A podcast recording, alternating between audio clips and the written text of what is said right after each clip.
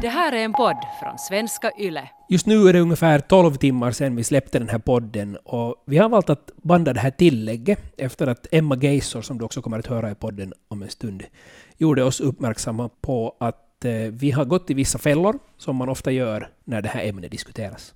Ja, och för att synliggöra den här problematiken så väljer vi nu att lämna kvar våra snedsteg och istället kommentera dem i slutet av podden. Så lyssna gärna igenom hela podden och ta del av det som vi har lärt oss under den här processen. Vi ska idag svara på en fråga som låter så här. Hej, min flickvän har tagit på sig väldigt mycket vikt sedan vi började sällskapa för fyra år sedan. Jag märker att jag inte mer är lika sexuellt attraherad som jag var förr. När jag försöker diskutera om saken blir det alltid strul om varför älskar du inte mig just som jag är? Fast jag älskar henne och gör mitt yttersta för att visa det. Vi kommer inte någonstans. När jag diskuterar med vänner om saken tycker de också att det egentligen inte alls berör mig och att det är inte min sak att sätta näsan i. Finns det något jag kan göra? Får man be sin partner att vara mer hälsosam och gå ner i vikt? Jag undrar någon som är man och 23 år. Jättebra fråga. Det där är ju den här kanske evighetsfrågan, att får man ta upp yttre attribut på sin partner och, och be dem förändra sig på något vis? Mm. Jag tror inte att vi kommer att komma med ett entydigt svar. Nej, det tror jag inte heller. Jag tror mer att vi kommer att kunna ge på något sätt tips eller förslag att hur man kanske skulle kunna göra det. Mm. För att svara på den här frågan som nu är ganska mångfacetterad känns det i alla fall för min egen del så har vi ju snackat med lite folk för att få lite djup i det här. Eh, Emma Geisor som på sin Instagram beskriver sig som finlandssvensk och kroppspositiv och med Anna Kolster som är sexualterapeut och jobbar jättemycket med par. Jag tycker att du Dan kom med en helt relevant fråga helt så att i en första början att får man för det första kommentera någons och kanske nu speciellt sin partners kropp eller yttre eh, på något sätt. Och när vi fick in den här frågan och jag läste den så förstod jag direkt så här att okej, det här är nu en jättejobbig fråga på det sättet för att först så blir jag personligen så här jätte, jätteledsen när jag läser att hans flickvän har bett honom älska henne för det hon är. Vilket betyder att de har pratat om den här saken och det är ju helt satans känsligt. Och tydligen så har det blivit en situation där hon inte känner sig älskad.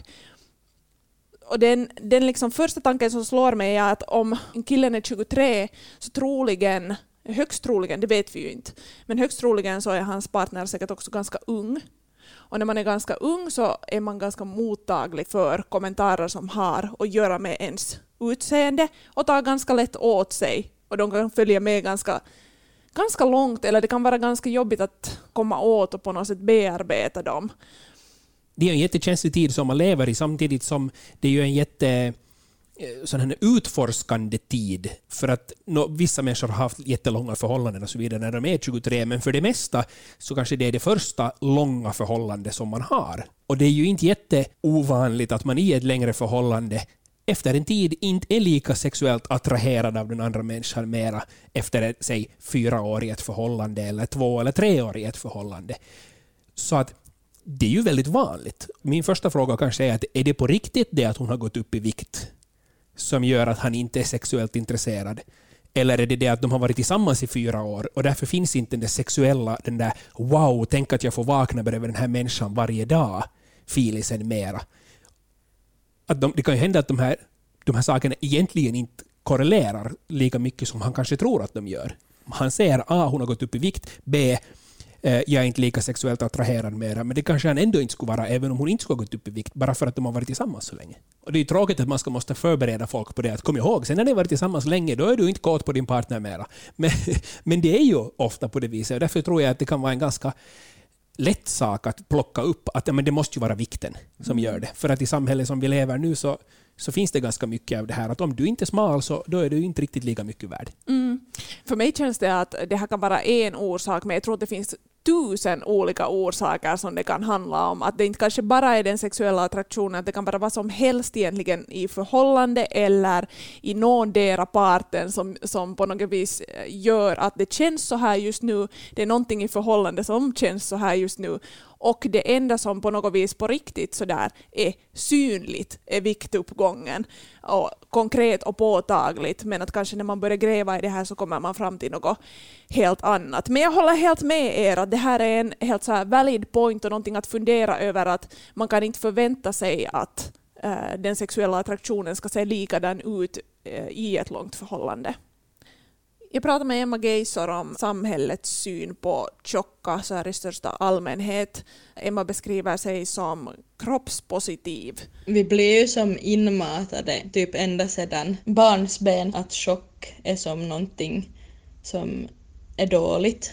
Att just till exempel i typ alla barnfilmer också så är de här tjocka karaktärerna är de som är typ lata och som bara klåpar sig och ända som från, från sånt till då sån här att man typ oskyldiga kommentarer om att du måste få ut och springa om du äter mycket godis eller att nej, jag, jag tar nog inte mer mat nu för att man kan bli tjock. Och sen är det ju förstås också forskning som visar att det är till exempel svårare också att få jobb som tjock. Att som, det är på något vis så inrotat i samhällets strukturer att man som bara blir lärd att det typ värsta man kan vara är att vara tjock. En jättebra point nog det där, jag har inte tänkt på det just med, med barnfilmer, att runda barnen är ofta lite mer clowner, lite roligare. De är där för att vara roliga eller dumma. Inte på något vis seriösa. Eh, hemskt sällan huvudrollen. Mm. Ser man sen på filmer eh, för en äldre publik så Rebel Wilson exempelvis, eller Melissa McCarthy, jättebra skådespelare och jätteroliga. Det är det de lever på. De är också lite runda. Rebel har i gått jättemycket ner i vikt. Jätterolig och hon lever på att vara lite clownig och lite dum. Hon, det är nog sådana roller hon spelar för det mesta. Eller sen smart men lite på ett dumt sätt. Mm. Men det är hemskt sällan som hon har den här Bondbrud. Och jag, jag började tänka på till exempel Jonah Hill som också har varit en, en där skådis som har gjort, eller fått de här roliga rollerna och bara för att han är större. Och han har pratat mm. ganska mycket öppet om det här, att varför, varför, ska det, varför måste det vara på det här sättet? Och att han också försöker få emot den här normen. Just bara som vi nu namedroppar olika, olika serier och olika skådisar som på något vis blir utsatta. På något, alltså på något plan så handlar det här ju allt om um, på finska används det ett så jävla bra ord för det här, liksom läskiviha. Man kan översätta det som fetthat, fetmaförakt, hur man nu vill. Det finns inte ett lika liksom renodlat ord för det på svenska. Men jag tycker att det här är beskrivande för hur vi ser på feta kroppar. Uh, och det är kanske någonting man måste vara medveten om när man bollar en sån här fråga. Att vi är inte liksom ingen av oss har liksom undkommit det här. Det är inte någons fel på något vis att, att här, nu, här, tänk, här tänker vi nu på ett dåligt sätt och, och ser på tjocka eh, kroppar ur liksom uh, ur, ur ett, eller vi ser på det ur ett dåligt perspektiv, ja, men att det är inte liksom vårt fel, men det är vårt ansvar kanske att ta reda på och bredda vår syn helt enkelt. Mm. Men för att binda tillbaka det här nu till den här frågan som har kommit in från början, det vill säga den här killen som säger att han är inte lika sexuellt attraherad av sin partner mera och hon har gått upp i vikt och han drar i alla fall paralleller mellan de här två. Det kan ju mycket väl hända att det, att det är faktiskt på det viset. Men sen kan det ju finnas andra grejer som kommer med in där, just med tanke på samhällets syn på övervikt. Är att, har hon ändrat som person för att hon har gått upp i vikt? Mm. Kan det vara så att hon tidigare har varit en väldigt självsäker människa som har tagit utrymme och, och varit center of attention och, och alltid varit med? Det här vet jag ju inte, men kan det vara så att hon har börjat ta lite mindre utrymme på fester. Det kan ju hända att det är en sån sak som han har varit intresserad av. Inte det att hon har varit smal, men personen som hon har varit när hon har varit smal. Jag tror att det där är jättesant. Eller vi måste ju spekulera nu när vi inte vet vad, vad bakgrunden är.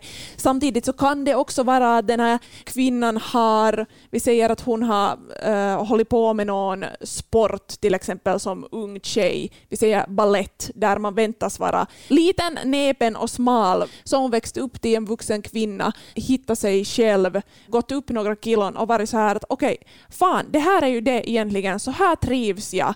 Inte som den där lilla näpna balettdansösen, utan så här vill jag vara. Att det finns ju många många, många grejer, men, men jag hör det som du säger Dan, att visst så påverkas ju också säkert hon som, som partner av det här fettföraktet, Mm. det här fetthatet som finns. Jag känner lite igen mig på något vis i det här. För att vi hade med min sambo en ganska allvarlig diskussion för inte ens jättelänge sedan. Där han sa att han på senare tiden inte har fått på samma sätt kicks av mig. Och då handlade det inte jättemycket om mitt utseende. Till, till viss del ja, för att mitt utseende har påverkats av hur jag har förändrats som person. Tidigare var jag jätteutåt och ville vara med där det händer och var jättesocial. Men nu, nu tycker jag jättemycket om att ligga hemma i soffan och äta godis och titta på film och bara chilla och vara var lite slappare. Tidigare var jag inte så slapp, jag var mer energisk.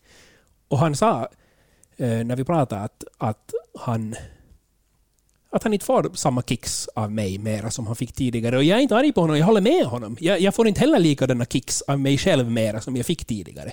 Att där saknar vi båda den gamla goda dagen som fanns för några år sedan. Och då finns det ju grejer vi kan göra tillsammans för att, för att försöka hitta den där, den där dagen som inte är så passiv mera, utan som lever lite mera och njuter lite mera av livet och inte bara njuter av godsakerna i, i livet.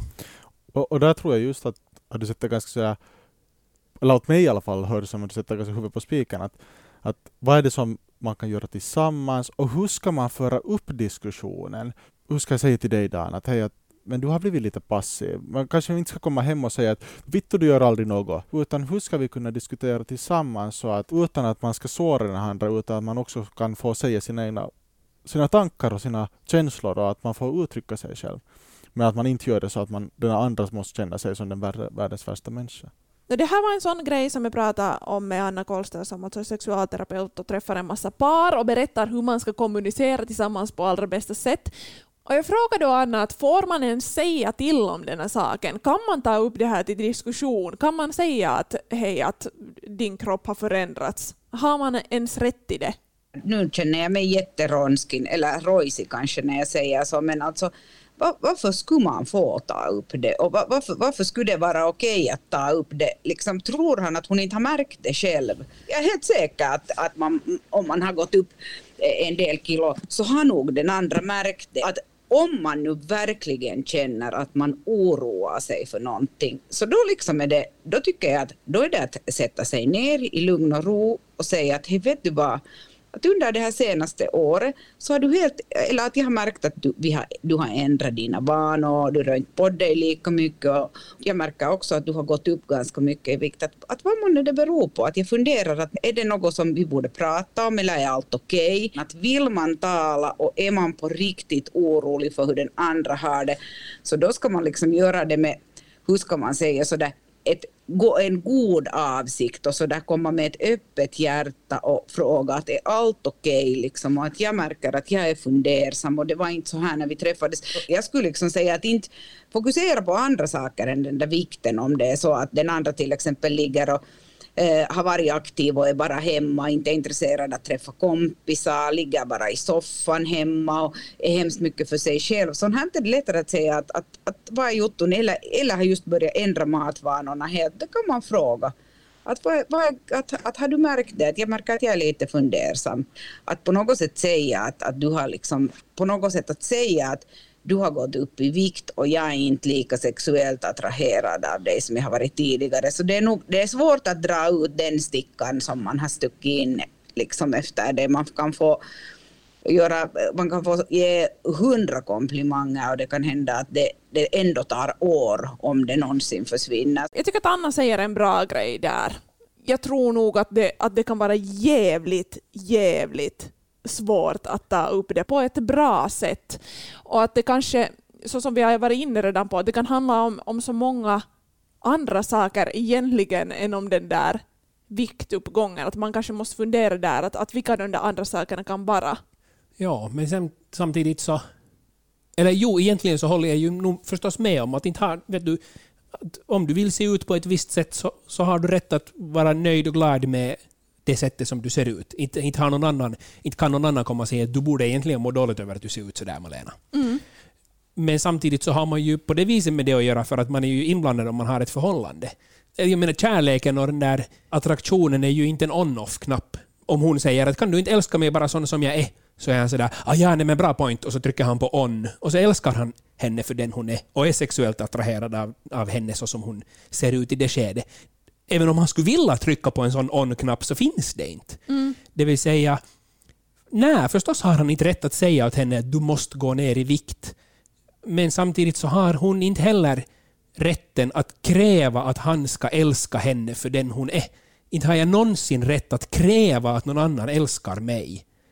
Nej men jag, jag fattar det där. Förstås så är det ju så att inte kan man ju bara, det, man är inte någon maskin för det första och att inte kan någon annan kräva det heller. Men nu måste jag säga att om situationen är det att uh, hon är fine i den här kroppsstorleken just nu och att han finner det som ett problem och de inte kan finna en lösning så måste jag säga att jag tycker nog att man ska nog inte vara med någon som inte älskar uh, dig för den du är. Att det är nog någonting att liksom i så fall att jobba på för den här killen. Och liksom kanske just det som vi har pratat om, om hela liksom samhällets syn på, på feta. Och att kanske inse att okej, okay, men att fuck att jag är inblandad i det här också. Att jag kanske måste uh, på något vis hitta sätt att bredda min syn på vad som är attraktivt. För det tror jag nog man kan göra. Mm. Men har det bara att göra med utseendet? då tänker jag. Att säga att, att vi blir tillsammans idag och fyra år senare så är du en stor Qanon-fan. Du tror på alla konspirationsteorier som finns. Du, eh, du tror inte att demokratin har en plats någonstans. Eh, har jag rätt att säga åt dig att vet du vad, att jag älskar dig när vi träffades. Du var en så öppen person och, och, du tog emot alla med öppna armar. Men nu har du blivit liksom en inåtvänd, sur konspirationsteoretiker som vet du, inte mera litar på världen och bara uttrycker nazism. Att inte har jag rätt att kräva vet du, att påverka dina åsikter eller att säga att dina åsikter är fel, du får inte ha sådana. Mm. Men förstås kan de påverka mig hur jag ser på dig i vårt förhållande. Men jag tycker det känns lite som två olika saker nog, att, att hur den andra ändras som person. Att vi har ju snackat om det, att det kan också göra att den här viktuppgången har ändrat någondera på något vis som person. Okay, nej, men, men, men, men, att, det, att det är två skilda saker, utseende och på något vis personlighet, tycker jag. Okej, okay, men skit i nazismen. Bara säg ja. att du, du tatuerar face fullt med grejer. Ja. Ja har jag en skyldighet att fortsätta älska Nej, dig? Nej, jag sa inte att du har en skyldighet, men jag sa att om du älskar dig själv med ditt face tatuerat och den andra säger att jag älskar inte dig på grund av att du är tatuerad i ditt face fullt med grejer. Så du som har tatuerat ditt face fullt med grejer, så att inte ska du behöva leva med det att den andra säger att, jag, jag älskar inte dig och liksom försöka kämpa för att då bygga upp ett förhållande, utan då kan Absolut. man nog vara sådär att, men att hej, att de här tatueringarna är nu fan en del av mig, ja. jag älskar dem, jag älskar mig själv och sorry, då kanske vi inte kan vara tillsammans om mina tatueringar eller de kilorna som jag nu har mm. eller min kropp inte passar dig. Alltså, jag, jag försöker se på det här förebyggande syftet. För att jag, jag har studerat flera år till idrottsinstruktör. Jag har alltid varit mån över att, att röra på, eller försöka röra på mig och leva ett, ett relativt hälsosamt liv. Och åt mig är det en viktig sak i mitt liv.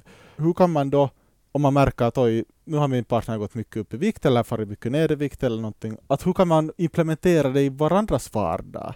Hey, men, visst jag tycker om att vi skulle gå ut och skida tillsammans eller göra såna, de här små sakerna, hur kan vi implementera det så att vårt bådas liv och ditt liv blir på något sätt hälsosammare utan att det ska vara att nu har du blivit fet och jag tycker inte att du är attraktiv mera för att övervikt kan vara ganska farligt. Och hur kan vi då säga till den här partnern att, hej, att men vi, vi kanske borde ändra på våra levnadsstandarder och levnadsvillkor. Till exempel att ett lätt sätt som jag brukar ofta implementera är, eller som jag gör, är att jag, att jag äter fyra, fem gånger i dagen.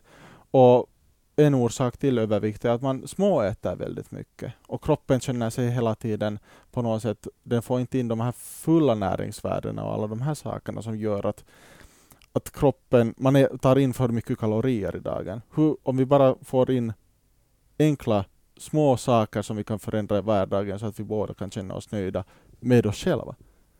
Men sen sist och är ju förändring bara till dig själv. Du är den enda som gör en förändring. Om du inte vill göra en förändring så kan ingen annan tvinga på den här förändringen till dig själv. Men för att få in en till exempel vana så krävs det att man 90 dagar upprätthåller den nya sorters livsstil. Då kan du inte om, om din partner, om du känner att oj shit, min levnadsvara är för dålig, så i sin börja med att du springer på gym fem gånger i veckan, för då kommer du att känna dig skit och då kommer din kropp inte heller att vara van i den förändringen, utan en förändring måste ske mycket mer långsiktigt och inte på en dag. Jag tycker att du säger en jättebra grej där när du säger det att man kan inte på något vis göra saker, man kan inte göra val och man, man kan inte, inte ens göra så här goda gärningar för en annan vuxen människas skull. Att när man växer upp och blir en, en självständig individ Sen har man bara ansvar för sig själv. Att, att på något vis hur man än vet vad som är rätt och vet vad som borde göras. Sen kan man vara många åsikter liksom på det sättet om vad som är hälsosamt och vad som inte är hälsosamt. Det kanske inte finns något entydigt. Kanske jag själv tänker mer att det som är hälsosamt är inne i ens huvud, att psyke spelar en mycket större roll än, än det fysiska. Men huvudpoängen som vi nu försöker komma till är det att har du en partner så du kan aldrig någonsin på något vis tvinga den att tänka på något sätt eller du kan inte förändra, du kan inte göra så att din partner enligt dig mår bättre. Du kan inte bestämma att din partner mår dåligt heller för den delen, utan Alltså det, det är jätte, jätte, jättetungt. Jag, vet, jag har varit i situationer där jag har sett att uh, vuxna människor runt mig har mått, mått dåligt. Eller i alla fall så att jag har trott det. Nu splainar jag ju här för de vuxna människornas del. Jag kan ju inte heller veta det. Men att jag har upplevt att de inte har, har mått bra, inte på grund av övervikt då, men äh, på grund av andra saker. Och sen i något skede insett att jag har försökt på något vis hjälpa, men att man kan inte hjälpa en vuxen människa om den inte vill hjälpa sig själv. Mm. Och kanske den här frågan är så jävla jävla stor och svår för att vi har ingen jävla aning om hur den här kvinnan upplever nu sin viktuppgång. Hon kan tycka att det här är liksom världens bästa grej och att älska mig, eller sen så kan hon må piss över det på grund av samhällets bara fetthat. Och jag tror att i ingen av de där situationerna så hjälper det att någon står bredvid och säger du är tjock, jag tycker inte om dig. Det tror jag ju inte heller att den här killen har gjort som har skrivit in till oss. Jag tror att han har varit mycket mer, eller som han skriver, att han älskar henne på riktigt och, och han visar det och försöker visa det så gott han kan. Det tror jag med. Men att han skulle ändå vilja prata om de här sakerna. Jag ser det här ändå från, från andra sidan, egentligen, när jag ändå är ganska långt på hans sida, att, att man kan inte tvinga honom att tycka om någonting som han, eller att tända på någonting och sexuellt, vara sexuellt attraherad av någonting som han inte är. Eh, för att jag tittar jättemycket, ett av mina absolut favoritprogram på TV är det här My 600 pound life, eller på, på finska heter det Hengenvarelisesti lihava. Mm. Har ni kollat på det i något skede? Nej. Ja. Det handlar alltså om människor som väger 250, 300, 350 kilo. Men de här människorna som de är tillsammans med, de är sexuellt attraherade av jättestora kroppar. Och sen under programmets gång så följer man med de här människorna eh, där de försöker jobba för att få tillbaka sin mobilitet och kan röra sig och kan gå ner i vikt. Och då ser man ibland att, att den här partnern inte alls är intresserad av dem mer. För att de inte mera motsvarar eller har en sån kroppshydda som de sexuellt är attraherade till. Mm. Inte, inte kan man tvinga den att att på något vis ändra sin, vad man, vad man tänder på sexuellt och tvinga dem att nu tycka om smala människor. När det de egentligen går igång på, som de har märkt, inte är någonting som de har bestämt att nu ska jag nog bara tycka om tjocka, utan de har bara märkt att det är det de tycker om. Nej, det här är ju igen att inte kan man tvinga någon vuxen människa och, och inte ska man ju heller det. No, Okej, okay, det här ditt exempel är nu liksom snedvridet på det sättet att, att det är liksom upp och ner mot vad liksom normsnygg i samhället. Att normsnygg är ju enligt samhället en ganska smal och vältränad typ. Uh, men att som det är roligt när vi pratar om preferenser överhuvudtaget när det kommer till sex. Att okej, okay, jag gillar jättemycket små fötter. Att det är ju inte så där som att vi själva skulle ha utvecklat det i våra hjärnor, utan att visst är vi ju påverkade utifrån. Att, att ingen grej som man tycker eller tänker är sådär, okej okay, det är jag som har kommit på det här och det här är enbart jag, utan allt vi ser och hör och, och känner så här påverkar oss. Så därför tänker jag nog att det finns det finns en chans att bredda det här på många, många olika sätt. Och Emma som jag snackar med så säger en, en jättebra grej som jag också själv har använt mig av för att liksom bredda syn på vad jag tycker att är attraktivt sådär utseendemässigt. Jag har som börjat följa mer, till exempel på Instagram så är kroppspositiva konton och typ konton med olika kroppar som att ändra och bredd på den här inputen som man får för man är ju som så bombarderad med perfekta bilder och perfekta kroppar överallt. Och nu är det kanske lite konstigt då om han som då pojkvän åt sin sambo ska börja gå och typ följa en massa tjocka kvinnor eller jag vet inte, det är som så konstigt. Men kanske som att att på något vis också skift fokus från som han det kroppen för det estetiska nej men som jag sa kan vara så snedvridet just för att man, man är så bombarderad av allting som passar in i idealen. Så att på något vis bredd på det. Jag tycker det är en jättebra point att, att vi har ju alla på något vis lärt oss de här idealen. Och vi har ju lärt oss de här normerna. Så att varför skulle vi inte kunna lära om oss? Nej, jag tänker det. Och jag tror att det är liksom som Emma säger, att, att bredda redan på så här helt något så vardagligt som Instagram-feeden. Eh, det har i alla fall hjälpt mig jätte, jätte, jättemycket. Eller redan bara en sån grej att till exempel inte följa konton bara för att jag tycker det här, den här människan är snygg utan att följa istället. Liksom hon, hon, är inne på det där lite att, att, att tänka liksom utanför det på något sätt estetiska också. Följ för content och liksom, jag tror att det också breddar jätte, jättemycket. Utgående från vad Emma sa så gick jag in på min Instagram och kollade den här Discovery-feeden. Discovery-feeden, alltså vad... För den matar ju åt mig sånt som jag har klickat på. Mm. Och om vi nu tittar på den så inte här är ju en, en jättestor vad ska vi säga, mångfald i min feed. Det är killar utan skjorta och sixpack. Mm.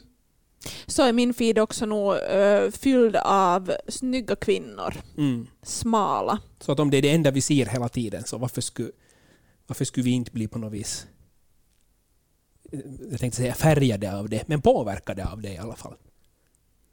Jag pratade också med det här om just attraktion med Anna för att jag tycker att det är en spännande grej och för att jag tror att man kan ändra på det. Men jag frågar alltså av Anna att kan man göra något åt hurdana människor man tänder på? No, nu tror jag att man kan påverka det. Jag tror att kanske mer det att det ändras med tiden. Att tycker man jättemycket om någon människa så kanske det här att äh, tänder man nu sexuellt så kanske inte påverkar så mycket av hur den, hur den ser ut. Men en del människor är jättevisuella, att här är vi är jätteolika. Att det, på, det påverkar mera än, andra är kanske mera i den där känslan, att om det känns bra, man känner sig trygg och nära så tänder man på den andra oberoende av hur den ser ut. Och sen kan det ju hända att har man jättehårda krav till exempel på sig själv, sitt eget utseende och sin kroppsform, så kan det hända att man också har dem på sin partner.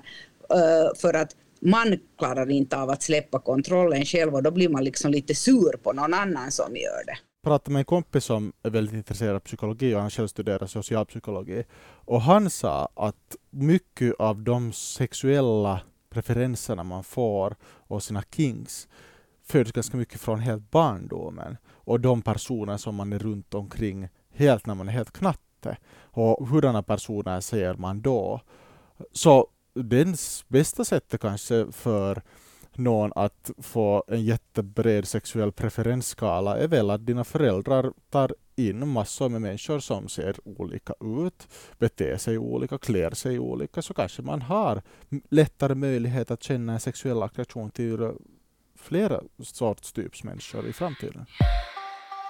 För att gå tillbaka till den här frågan så undrar den här killen ju liksom hur han ska gå tillväga nu efter allt det här. De har ju försökt, de försökt prata om den här grejen och det har inte gått så bra och han, han säger att de kommer ingen vart i den här diskussionen. Jag frågar Vanna att finns det liksom någonting man kan göra nu i den här situationen när de på något vis har fastnat helt och hållet? Man kan inte betona säkert för mycket att, att jag älskar dig jättemycket som den du är och, och smart, men att jag, jag skulle bara vilja att du mår bra. Att om det är det som är den där genuina oron, så den tycker jag liksom är helt fine att på något sätt sen lämna det där liksom det där yttre liksom mera åt sidan och, och, på något sätt säga vad man egentligen känner och, man vill den andra väl. Så då tror jag att man kommer, med sådana diskussioner kommer man ganska mycket längre. Jag tycker det här som Anna säger är jätte, jättebra för att det, det går liksom åt rätt håll tycker jag. Att diskutera och på ett emotionellt plan bemöta den andra. Att ofta blir det ju så, det spelar inte egentligen någon roll att är det vem som ser ett problem, men att när den ena uttrycker det och så försöker man på något vis komma fram till hur man ska lösa det här. Det blir väldigt lösningsfokuserat uh, hela den där diskussionen istället för att vara sådär att, att, att hej, att hur känns det här för dig och mår du bra och liksom jag, jag finns här för dig och jag lyssnar. Att istället för, för den grejen så börjar man fundera att okej, okay, chop chop, nu, nu ska vi liksom lösa det här och vi går ut och, och jumpar eller liksom, eller ska vi fortsätta ligga här i soffan och mår du bra med det liksom? och så blir det bara dålig filis när den andra egentligen bara skulle vilja prata ut och vara så här att hej, att så här känns det för mig. Men jag tror att de hänger ihop lite nog på något vis. Det här att har vi en problemlösning eller pratar vi mer emotionellt om det? Som jag var inne på så har jag pratat med min sambo om att eh, eller han sa att, att han inte på något vis får lika mycket kicks av mig. Eh, men vi har försökt lösa det en jätteliten grej. Vi köpte ett bord för att kunna stå upp när vi jobbar hemifrån. När vi köpte det så fick vi med på köpet någon sån här app som påminner en om att man ska göra pausjumpa alltid nu och då. En av de fjantigaste som finns. Men likväl så tre gånger per dag när vi jobbar båda hemifrån så säger han åt mig Dan, nu är det pausjumpa. Och hur löjligt och fjantigt jag än tycker att det är att stå där och hoppa i tre minuter så gör jag det. Och jag mår bättre av det. Och jag inser att det, det hjälper inte mig bara på ett sånt här ett kroppsligt yttre, utan det hjälper mig i huvudet också. Och det är någonting som vi gör tillsammans. Så jag tror man kan kombinera den där att lösa problemet men att också lösa det emotionellt. Jag blir lite orolig nu att har vi svarat på den här frågan. Vi har pratat jätte, jättemycket och vi har kommit med olika teorier om hur det skulle kunna vara och hur det inte kan ske eller varför det är viktigt att tänka på ett sådant här sätt och hur man ska bredda på sin syn. Men har vi svarat på det här? Jag vet inte. Inte vet jag heller. Jag tror inte att i alla fall svaret är att bara hon går ner i vikt så blir allt bra. Mm. Och jag tror att det är det som är det viktiga, att även om vi inte har nu gett ett klart svar så är diskussionen kring det att vad kan den här bristen på sexuell attraktion eventuellt bero på? Jag, jag tror inte att vi har landat på att no, men det är nog vikten som är fel, utan att det ligger någon annanstans. Och att det är den diskussionen som de, i, det, i den situationen det paret måste föra. Nu är vi tillbaka igen ungefär 12 timmar efter att vi släppte den här podden för att då fundera lite kring eh, det här innehållet och, lyfta upp vissa grejer som, som gick fel helt enkelt. Mm. Den första grejen som vi inte kan betona tillräckligt här är att det att man är hälsosam inte är samma sak som att vara smal och att vara smal inte alls betyder att man alltid är hälsosam. Mm. Det känns som att vi föll i den fällan att vi började splena om att hur man kan gå ner i vikt Uh, och även om den här infon kanske är liksom helt korrekt så är den inte alls relevant i det här sammanhanget och det har inte ett skit att göra med den här frågan. Det är liksom helt fel bild av att lyfta upp den saken. Och när man då försöker sätta sig in i vissa problem utgående från sina egna erfarenheter så, så är det ändå inte alltid erfarenheter som går att jämföra med varandra. Eh, jag tog upp det här med hur, hur jag under mitt förhållande har blivit ganska passiv och kanske inte mera ger sådana kicks inom förhållande som, som vi hade i början. Och, och då när jag pratade om att min sambo har fått mig att hoppa upp ur soffan och börja med så här pausjumpa och att jag mår bättre av det, så, så det som jag ville lyfta fram med det var att jag mår bättre psykiskt. Det var ett psykiskt välmående vi avsåg, och ett personligt för mig alltså. Att jag mådde bättre av att aktivera mig istället för att passivera mig. Men eftersom det här inte hade någonting med vikt att göra så gav det fel signaler att lyfta upp det i just den här podden. En annan grej som vi var inne på och som du och jag Malena till och med lite bråka om här i podden så var det att har man rätt att kräva att en annan människa ska älska en? Och, och vi, vi, insåg inte riktigt var det var vi pratade förbi varandra. Det tog oss fyra möten under den här tolv timmar sedan vi släppte podden att, att faktiskt inse att var är det vi pratar förbi varandra i huvudsak så är det ju nog så att vi i slutändan var av helt samma åsikt att man kan och man har all rätt och man ska ha ett krav på att bli älskad för den man är i ett förhållande och att egentligen det finns inga andra alternativ på något plan. Och då på samma gång alltså när du har rätt att kräva av ditt förhållande att du ska få bli älskad för den du är, så kan man ändå inte kräva att en annan person ska vara förälskad, för det är ingenting som den människan nödvändigtvis ens själv kan göra någonting åt. Men förstås så ska man och har all rätt att ha det här kravet på sitt förhållande.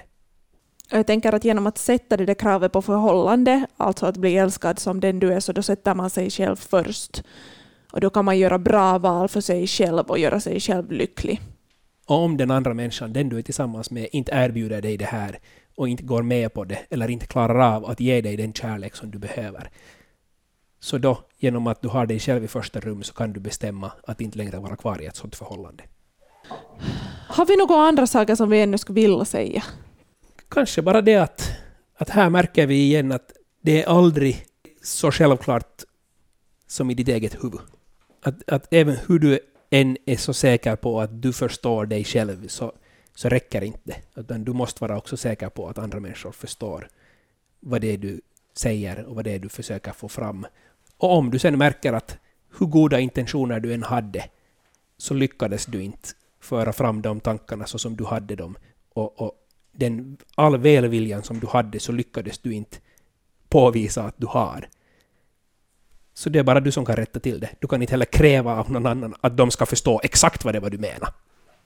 Och så tänker jag att det här avsnittet också visar det att vi är en del av systemet på något Mm. vis. Att vi inte heller Mm. som människor på något vis är skyddade från att inte vara påverkade av de här normerna som styr oss och som vi försöker liksom prata och öppna upp i det här poddavsnittet.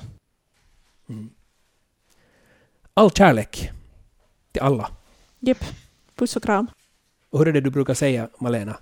Att eh, fortsätt diskussionen på Instagram. Ylextrem6.